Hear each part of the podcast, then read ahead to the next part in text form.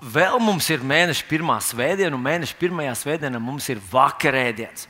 Un vakarēdienā parasti mēs atminamies, ka Jēzus savas kalpošanas uh, tajā nobeigumā vai kalpošanas beigās viņš iestādīja vakarēdienu.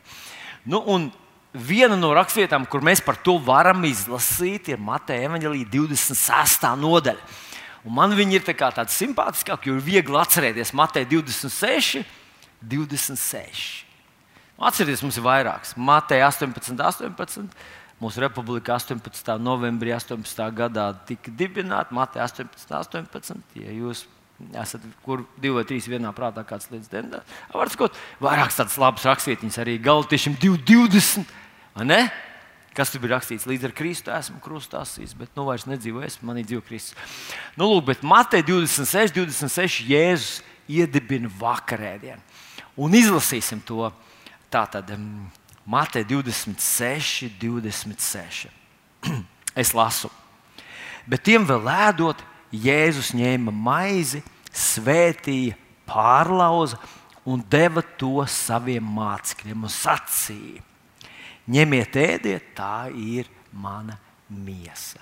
Nu, Citēji evanģēlists un arī Pāvils Korintiešu vēstulītē druskuļi papildina šos vārdus. Viņš saka, ņemiet, ēdiet, tā ir mana miesa, kas par jums to dota.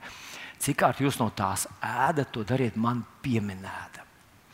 Nu, bet ar to viņš nebeidza. Viņš turpina 27. pāns. Uzrakstīts tā, un viņš ņēma biķeri, ņēma biķeri pateicās un deva to tiem. Un sacīja, dzeriet visi no tā, jo tās ir manas jaunās derības asinis, kas par daudziem tiek izlietas grēku piedošanai. Wow! Nu, droši vien, ka tu arī kādreiz domāji, nu, kā tas tur bija tajā augšstabā. Un droši vien, ka jūs arī esat dzirdējuši to anekdoti, kad, kad vecs, vecs, vecs, vecs, vecs uh, palestīnietis atbrauc uz Itāliju, mm, dodas uz Vatikānu un cenšas izprasīt vizīti pie, pie Romas pāvesta. Nu, beig, beigās pēc ilgiem, nebentīgiem tam visām sarunām un tām. Beigās viņš tiek. Viņš tiek pie paša pāvesta un rāda tur uz sienas. Tur ir nu, tā glezna, jā. man liekas, ka Davinčī glezna ir vakarēdienas. Un viņš prasa tam pāvestam, vai tā ir tava kompānija? Nu, Pāvests saka, jā, mans kungs un mūsu, mūsu patriārha. Kad tu viņu samaksās par to, par cienestu?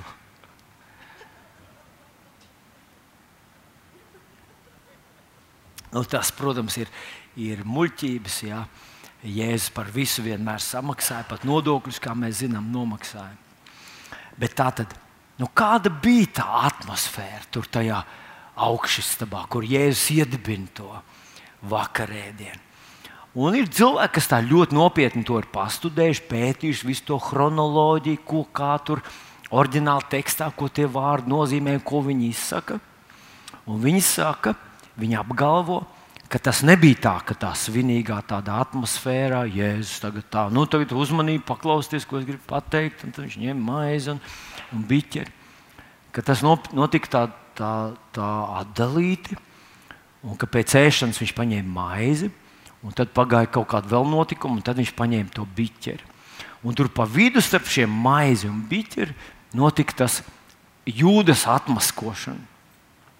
Un faktiski Jūdas izgāja pēc tās pirmās daļas ārā, dusmīgs, atmaskots. Jā, ko, un varbūt neviens cits nesaprata, bet viņš saprata, ka Jēzus zina, un ka Jēzus tagad, un viņš domāja, ka visi sapratuši, ka viņš ir tas nodevējs, kurš tagad uh, nodos kungu. Lai gan atcerieties, mēs vēl nesen runājām, ka pirms mirkli viņi visi bija teikuši, es ar tevi iešu cietumā un nāvē. Pēters iesāk, un tad viss teica, kaut visi tevi nodod. Es nenodošu, es skatos apkārt, visi tādi šaubīgi sēž. Es ne, man ir tāda piedzīvojuma ar to kungu. Nu, atminieties, Jūdas arī to teica. Un tagad izrādās, ka viņš tas nav. Viņš aizgāja, tad viņš nedzēra no biķera. Bet, zinot, es tā pie sevis padomāju tie nav vienīgie tās, tās asociācijas vai tās izjūtas, kas mani uzrunā.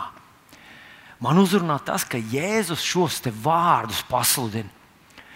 Šī maize ir mana miesa, kas par jums to dota, kas par jums to salauzt. Un šis biķers ir manas jaunās derības asins, kas tie par daudziem tiek izlietas grēka piedošanai. Ka Jēzus to saka pirms tas ir noticis.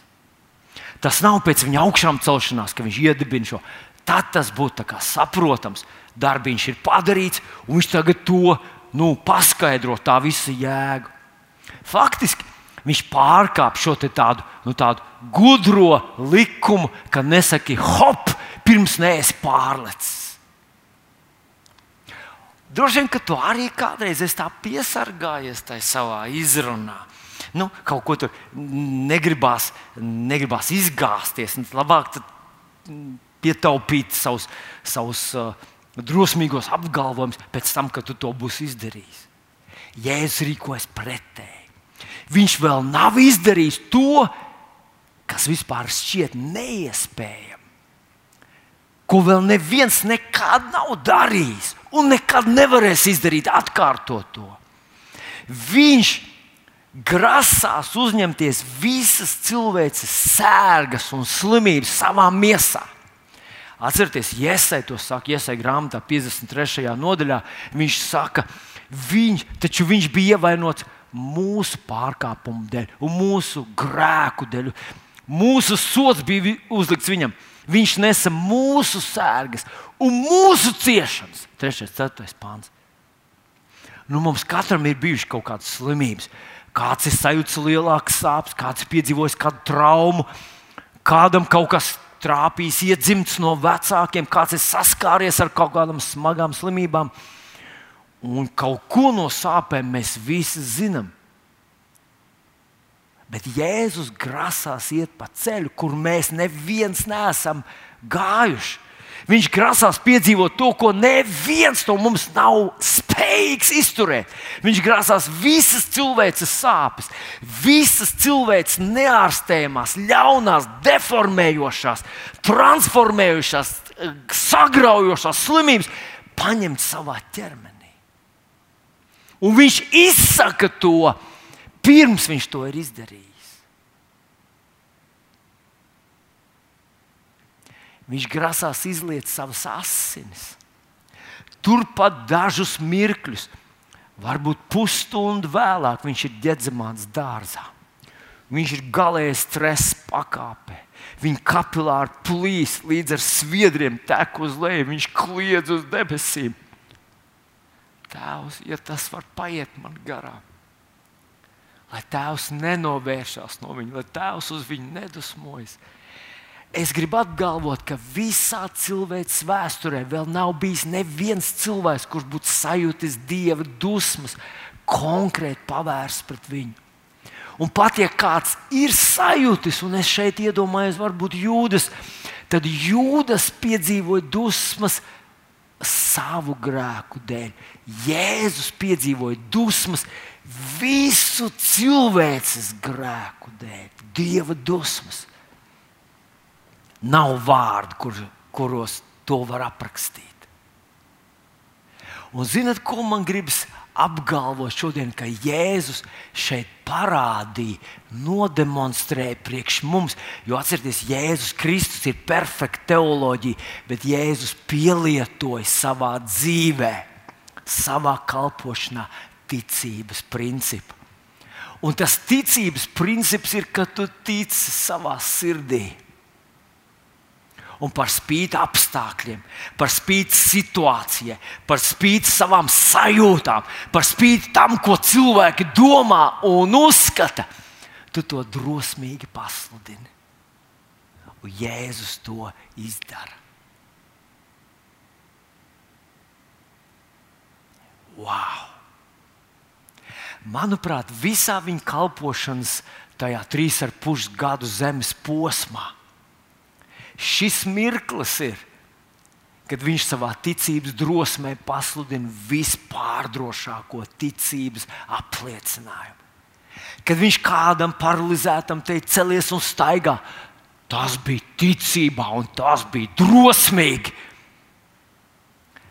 Bet šis ir daudz, daudz reizes pārāks. Kad viņš teica, lai Lācis nāc ārā visu cilvēku priekšā, tas bija ticībā, un tas bija drosmīgi. Bet šis ir nesalīdzināms. Viņš saka, man miesa tiks salauzta, bet tas būs jūsu ēdiens.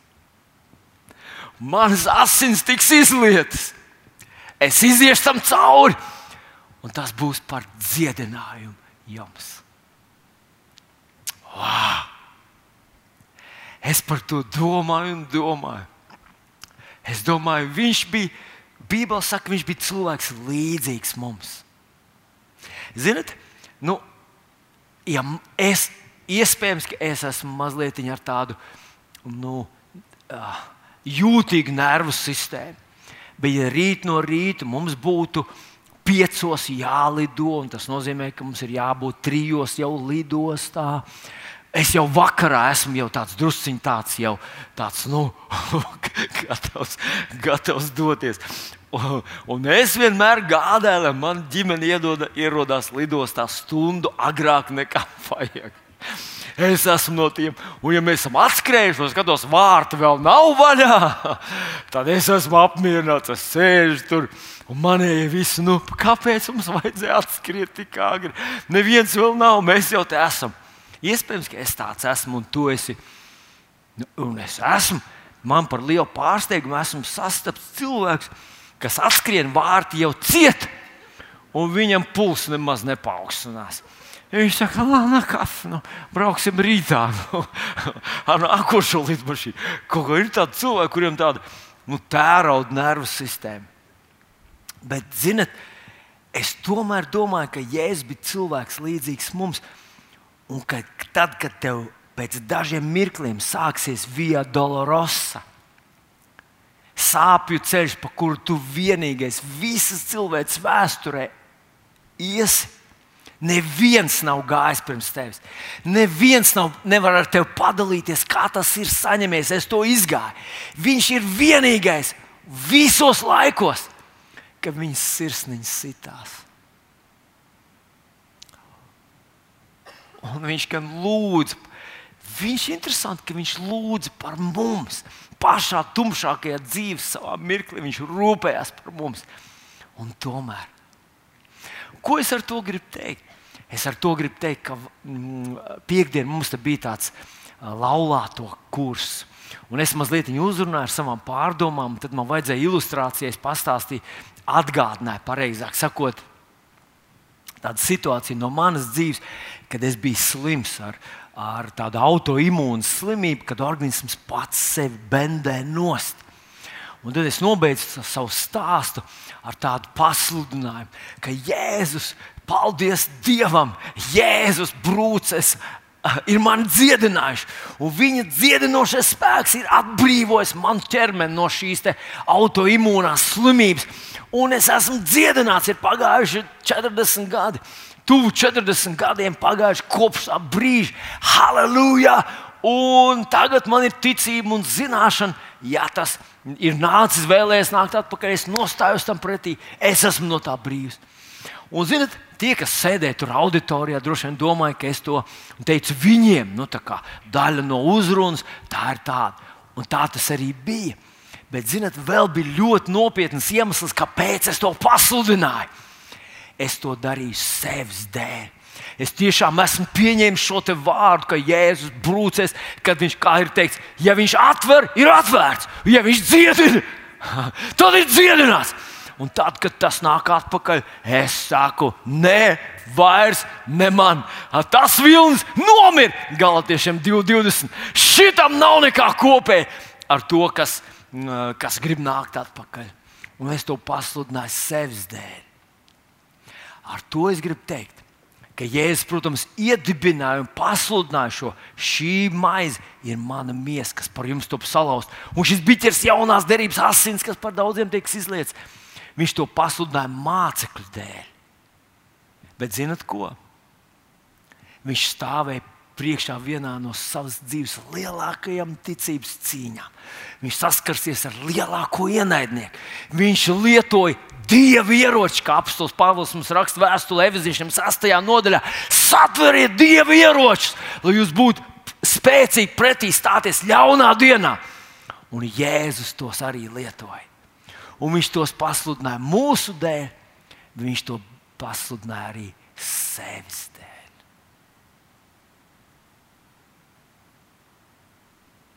Viņš lieto šo ticības principu. Un, mīļais, dārgais, mans brāl un māsa, es gribētu teikt, ka mūsu dzīvē mēs nevaram piedzīvot uzvaras, ja mēs nelietojam ticību. Ja mēs sakām, nu, paskatīšos, kāds būs analīze, tad es redzēšu, tad es zināšu. Redzēs, ko doktors teiks, redzēs, kā es jutīšos rīt no rīta. Nezinu, kā tas notiek. Man jau gadiem viss tā virzās šajā virzienā. Vai redzēs, kā vai redzēs, man mamma jau mans tēvs, man vecā mamma nomira ar to, un man to tā tālāk. Mīļie draugi, mēs nedaram tā, kā mēs nemācāmies no sava kungu un glābēja Jēzus Kristus. Un es gribu atgādināt raksturvietiņu no Jāņa Evanģelijas 17. nodaļas, kur Jēzus saka tos vārdus tajā lūkšanā. Viņš saka, Tēvam, Tēvs, tos vārdus, kurus tu devi man, es devu viņiem. Ar to viņš mums pasaka, ka viņš nebija superdievs. Viņš bija dievs, Un reizē simtprocentīgs cilvēks, simtprocentīgs dievs un simtprocentīgs cilvēks. Viņš bija sev iztukšojis no visdievišķā, un viņš lietoja tos pašus līdzekļus un ieročus, kas mums ar tevi ir pieejami. Tāpēc viņš uzticējās viņa vārdam un tos pašus vārdus nodeva saviem mācekļiem, un respektīvi arī mums ar tevi. Un ebreju vēstulītes 11. nodaļa, 3. pāns saka, jo ticībā mēs saprotam, ka pasaule ir radīta Dieva vārda spēkā, kā no neredzamā cēlies redzamais. Tas nozīmē, ja viņš ir nodevis šos vārdus mums, arī mēs ar tevi varam paņemt šos stipros vārdus. Dieva vārdus, kas satur dieva radošo enerģiju, paņemt to savā sirdī, nesāt to savā dvēselē un ticot savā sirdī, drosmīgi pasludināt savai dzīvei. un palikt pie tā. Es uzdrošinos apgalvot, ka savā dzīvē esmu pārbaudījis to, ka tas darbojas. Dažreiz tādas situācijas, ka tev liekas sāla vējš, un tu nezini, kā, un, un, un gandrīz vai ir tāds sajūta, ka tev arī iekšpusē ir kaut kāda priekšnojauta. Uzdrošināšos pateikt, tāda slikta priekšnojauta. Vai, vai, vai, vai, vai, vai, Kas tagad var notikt? Vai tas ir svētais gars, kas man brīdina, bet man tur ir jāiet, man tas ir jādara, vai, vai, vai kas ar maniem notiks? Varbūt kādam ir jādodas vakcinēties. Un tev ir pilnīgi tā tāda priekšrocība, un tu esi dzirdējis cilvēks, un es lūdzu, Es šobrīd gribētu palūgt visus savus brāļus un māsas, kuriem ir strikta, noraidoša attieksme pret vakcīnām. Tās ir sliktākais, kas var būt. Paturiet, lūdzu, to pie sevis. Lietojot savu šo pārliecību, priekš sevis. Lūdzu, neviemiet to ārā citiem, kas grib to izdarīt, kas sapratuši, ka viņi grib to izdarīt pietaupiet šos savus destruktīvos vārdus, šos slaunās priekšnojautas. Pietaupiet, jums viņas vajadzēs. Bet tā tad tu esi tādā situācijā, un es tādā esmu bijis. Bet man tur ir jāiet.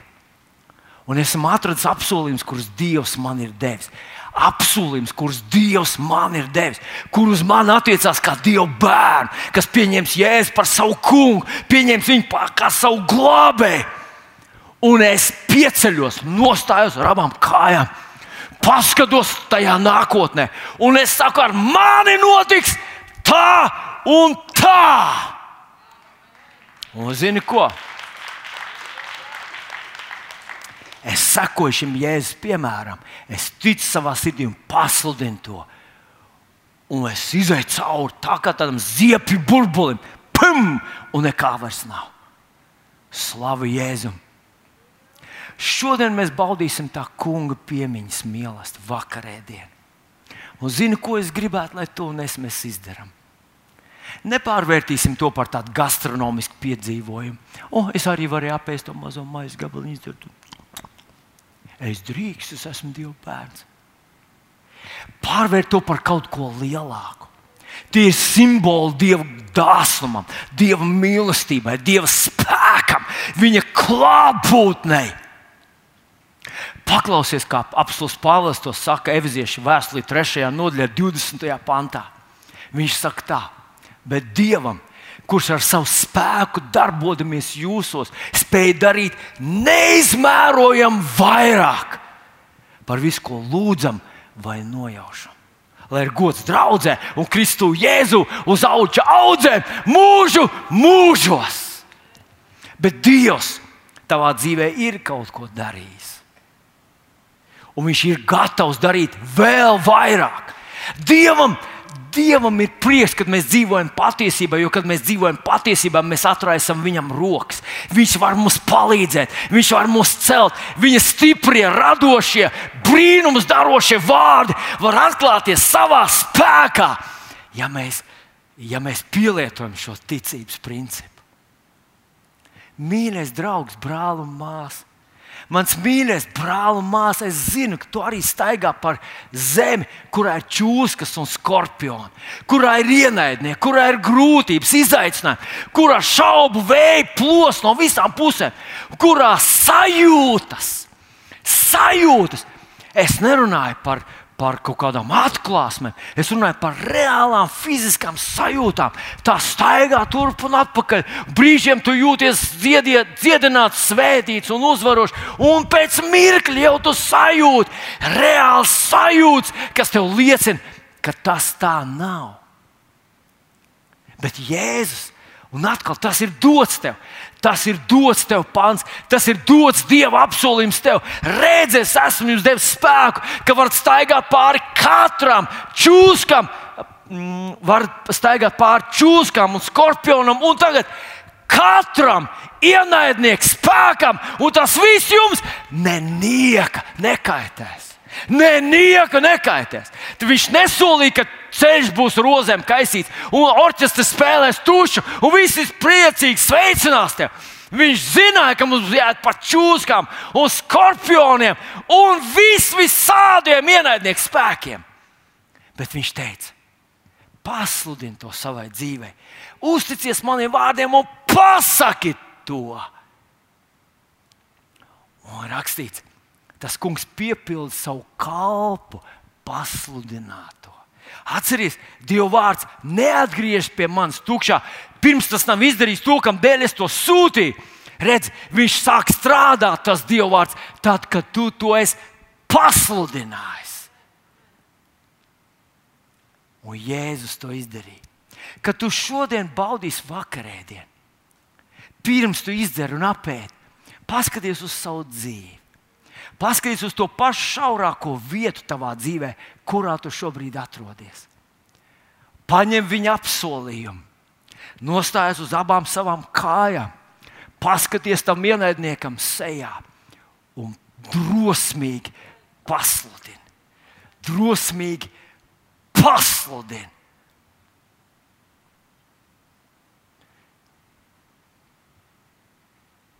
Jo kad tu pasludini Dievu vārdu, tas ir zobens. Tie ir glādijusi cirtieni. Tā sauc romiešu šo jauno moderno zobenu, kas bija revolūcija tā laika armijas bruņojumā. Abē pušu asins zobens. Romas armija bija slavena ar šiem saviem bruņiniekiem, kas lietoja šo ieroci. Lūdzu, padomā, Neuztver to tā mehāniski. Ieliec tur iekšā savu sirdi, savu dvēseli, savu ticību. Un es ticu, ka Dievs tas kungs paņem šos vārdus, un ja tu pie tiem paliksi, Viņš liks tiem strādāt tavā labā. Bet pirms mēs to izdarīsim, pirms mēs baudīsim vakarēdienu, ir divas tādas rakstu vietas, kur es ticu, ka svētais gars man iedeva šodien. Un atminaties, Dievs mūs brīdināja kādus dievkalpojumus atpakaļ. No dedzīga apstuļa nepārvērsties par, par tādu, kas sa, sagumis sēž pie sveša ugunskura un grib piepildīties svešam bariņam. Mums nav atpakaļceļa. Mums ar tevi nav atpakaļceļa. Mēs esam Kristus mācekļi. Un tas ir, lai vai kas pasaulē notiktu. Ko arī cilvēki negribētu, kas arī nekļūtu simpātisks un modē, mēs ar tevi esam nelabojami. esam Kristus mācekļi. Lai vai kas? Ja es nedzirdēju tavu nopūtu. Bet divas rakstvietiņas, un pirmā ir reviziešu vēstulītē, trešajā, pirmajā nodaļā, trešais pāns, Eviziešiem 1,3. Apsolus Pāvils raksta tā. Es domāju, kad viņš diktēja, nu, ir dažs vēstules, kurus viņš diktēja kādiem rakstvežiem. Tas nebija tik vienkārši, kā mēs šodien rakstām. Toreiz tas bija vesels, smags process rakstīt. Nu, lūk, un Pāvils, es domāju, viņš tā stāvēja. Un viņš iesāka šo vēstuli. Lai slavēts mūsu Kunga Jēzus Kristus, Dievs un godības pilnais Tēvs, kas mūsu Kristu ir svētījis ar visāda veida garīgu svētību debesīs. Halleluja! Ko nozīmē garīga svētība? Tas nozīmē fiziski neredzamu. Tā ir reāla svētība. Kā ebreju vēstulīte 11. nodaļā rakstīts, ka pasaule radusies no neredzamām lietām, radusies redzamās. Neredzamas nenozīmē, ka tās ir nereālas. Tās vienkārši nav redzamas mūsu fiziskajai acī, bet ir tik daudz lietas, kuras mēs nevaram redzēt, kuras ir reālas. Atcerieties, mēs sēžam dievkalpojumā, tur no savas mazās ierīcības aizsūtīt garu video uz pasaules otru galu. Un tas video ir reāls. Tikai mēs nevaram redzēt, kā tas aizlidoja. Bet tas reāli dodas turp. Un tas ir tas, ko viņš mums saka. Visāda veida garīga svētība debesīs. Tu un es mēs jau esam svētīti. Kristu Jēzu ar katru, ar katru kādu vienu vispār svētību eksistē. Mēs ar tevi jau esam ar to svētīti. Un man gribētos, ka mēs pēc mirkļa piecelstos kājās. Un mēs lūgtu Dievu, un tad mēs pasludinātu, mēs ar tevi kopā pasludinātu savai dzīvei, ka mēs jau esam svētīti. Jā, redziet, tur ir tāda maza niansīta, kas man šķiet ir svarīga. Un tā mazā niansīta ir tāda, ka es lūdzu, teiksim, es ticu, ka Dievs ir nodrošinājis apsardzību, bet es lūdzu to apsardzību. Es teicu, Tēvs, es lūdzu tavu apsardzību šajā ceļā, kur es dodos. Tēvs, es dodos ar lidmašīnu, es lūdzu tavu apsardzību tajā lidmašīnā. Tēvs, Mums, mēs esam tādi vīri, kas kādreiz pabrauc ar mocīšiem. Mēs pirms tam sanākam kopā, mēs sakām, Tēvs, mēs lūdzam Tavu apsardzību. Un tad mēs sakām, mēs pateicamies par Tavu apsardzību. Es ticu, ka Dievs ir nodrošinājis apsardzību, bet tā lūkšana ir tāds pieklājīgs veids, kā mēs to pieņemam, kā mēs to saņemam. Un mēs lūgsim Tēvs Mēs lūdzam Tev svētību manai dzīvei, manai dzīves fiziskajai daļai, vēsturiskai daļai, manas dzīves veselības daļai, manas dzīves garīgai daļai, manas, manai ģimenei, maniem bērniem, manas dzīves finansiālajai daļai, manas dzīves mentālajai daļai. Kāds vēl tavai dzīvei ir daļas, tu palūdz, un pēc tam pateicies, un tu pasludināsi. Kungs, mēs pateicamies, ka Tu esi man svētījis ar katru garīgu svētību debesīs. Jā, un te man mazu tādu remarku jāizsaka. Mīļie draugi, tomēr, manuprāt, ja mēs paskatāmies tā kopumā uz Kristus miesu, un es runāju tā globāli, tad mēs atradīsim, ka tomēr nedaudz piedzīvo savā dzīvē tiešām tāds reāls Dieva svētības. Kāpēc tas tā ir? Tā šaurā vieta, kā vienmēr arī šajā gadījumā, ir ne jau Dievs ne jau Dievs ir šaurā vieta. Manuprāt, Dievs ir ļoti dāsns un izšķērdīgs un, un nepacietīgs Dievs, lai dotu. Viņš saka, ja jūs ļauni būdam, protat gādāt par saviem bērniem. Nu, ak, kungs, vai ir kaut kas, ko tu redzi, sava bērna vajadzība, un tev ir resursi, bet tu saki, nē, nē vēl nē. Nākošais gads nopirkšu viņam kurpes, lai viņš iemācās cienīt kurpju vērtību. Es zinu, pāris, es varētu nosaukt pāris uh, man tā tuvāk zināmus tēvus. Un zināt, ko tikko viņi ieraudzīja bērnā kaut kādu vajadzību, bērnam kaut kādu vajadzību. Viņam tā kā tāds driģens iekšā. Viņi nevar mierīgi, viņi grib gatavi skriet vakarā vēl, ja palikusi pusstundu līdz veikala slēgšanai. Viņi gatavi skriet un tā bērnu vajadzību apmierināt. Pat pārspīlējot. Un, ja es teicu, ja jūs ļauni būdam, protat saviem bērniem dot labas dāvanas, vai tiešām mums kādam varētu ienākt prātā doma, ka Dievs ir tāds skopulis, tik asketisks un taupīgs Dievs, ka viņš redz pa pilienam, pa centimetram, pa, pa molekulai dod. Tā problēma esam mēs.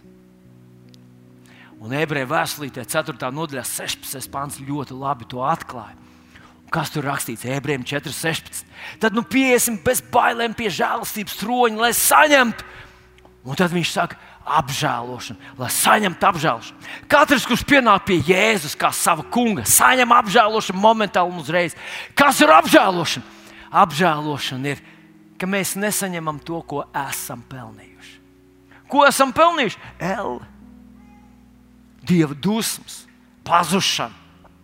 Atnākot un pieņemot jēzu par savu kungu, mēs visi saņemam apžēlošanu uzreiz, momentā. Mēs esam brīvi no Elas.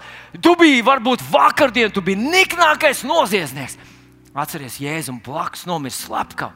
Un viņš izteica mazu lūgšanu, un Jēzus viņam saka, patiesi es tev saku, šodien tu būsi ar mani paradīzē. Viņam nevajadzēja atstrādāt, viņam nevajadzēja iet cauri tūkstošu gadu purgatorijai. Viņš pieņēma Jēzu par savu kungu, apliecināja viņu, nosauca viņu par kungu. Viņš saņem apžēlošanu momentā. Tātad apžēlošanu mēs nesaņemam to, ko esam pelnījuši.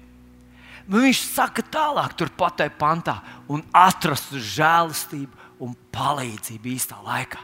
Tas druskuļi savādāk skan angļu valodā, bet tā žēlastība un palīdzība tur tā kā drusku žēlastība, lai palīdzētu. Bet tā doma tur ir tieši tāda pati ka tik maz ir to cilvēku, kas patiešām meklē to palīdzību, kas no visas sirds uzticās Dievam, meklē viņa vajag, uzticās viņa principiem, uzticās viņa vārdiem, lai savā dzīvē saņemtu šo dievišķo palīdzību un glābšanu. Tādu nav daudz.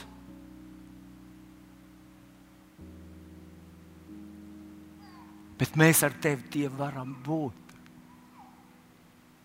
Tātad Viņš ir mūs svētījis ar katru svētību debesīs. Un lai Dievs tev un man palīdz, ka mēs nebūtu aizmāršīgi klausītāji, ka mūsu mīlestība nebūtu tā kā tāda rīta migliņa un tā kā tāda, tā kā tāds, mm, nu, tā kā tāda pārējoša kaut kā tāda gaisma. Oh, bija, bija, bija, bija, bija.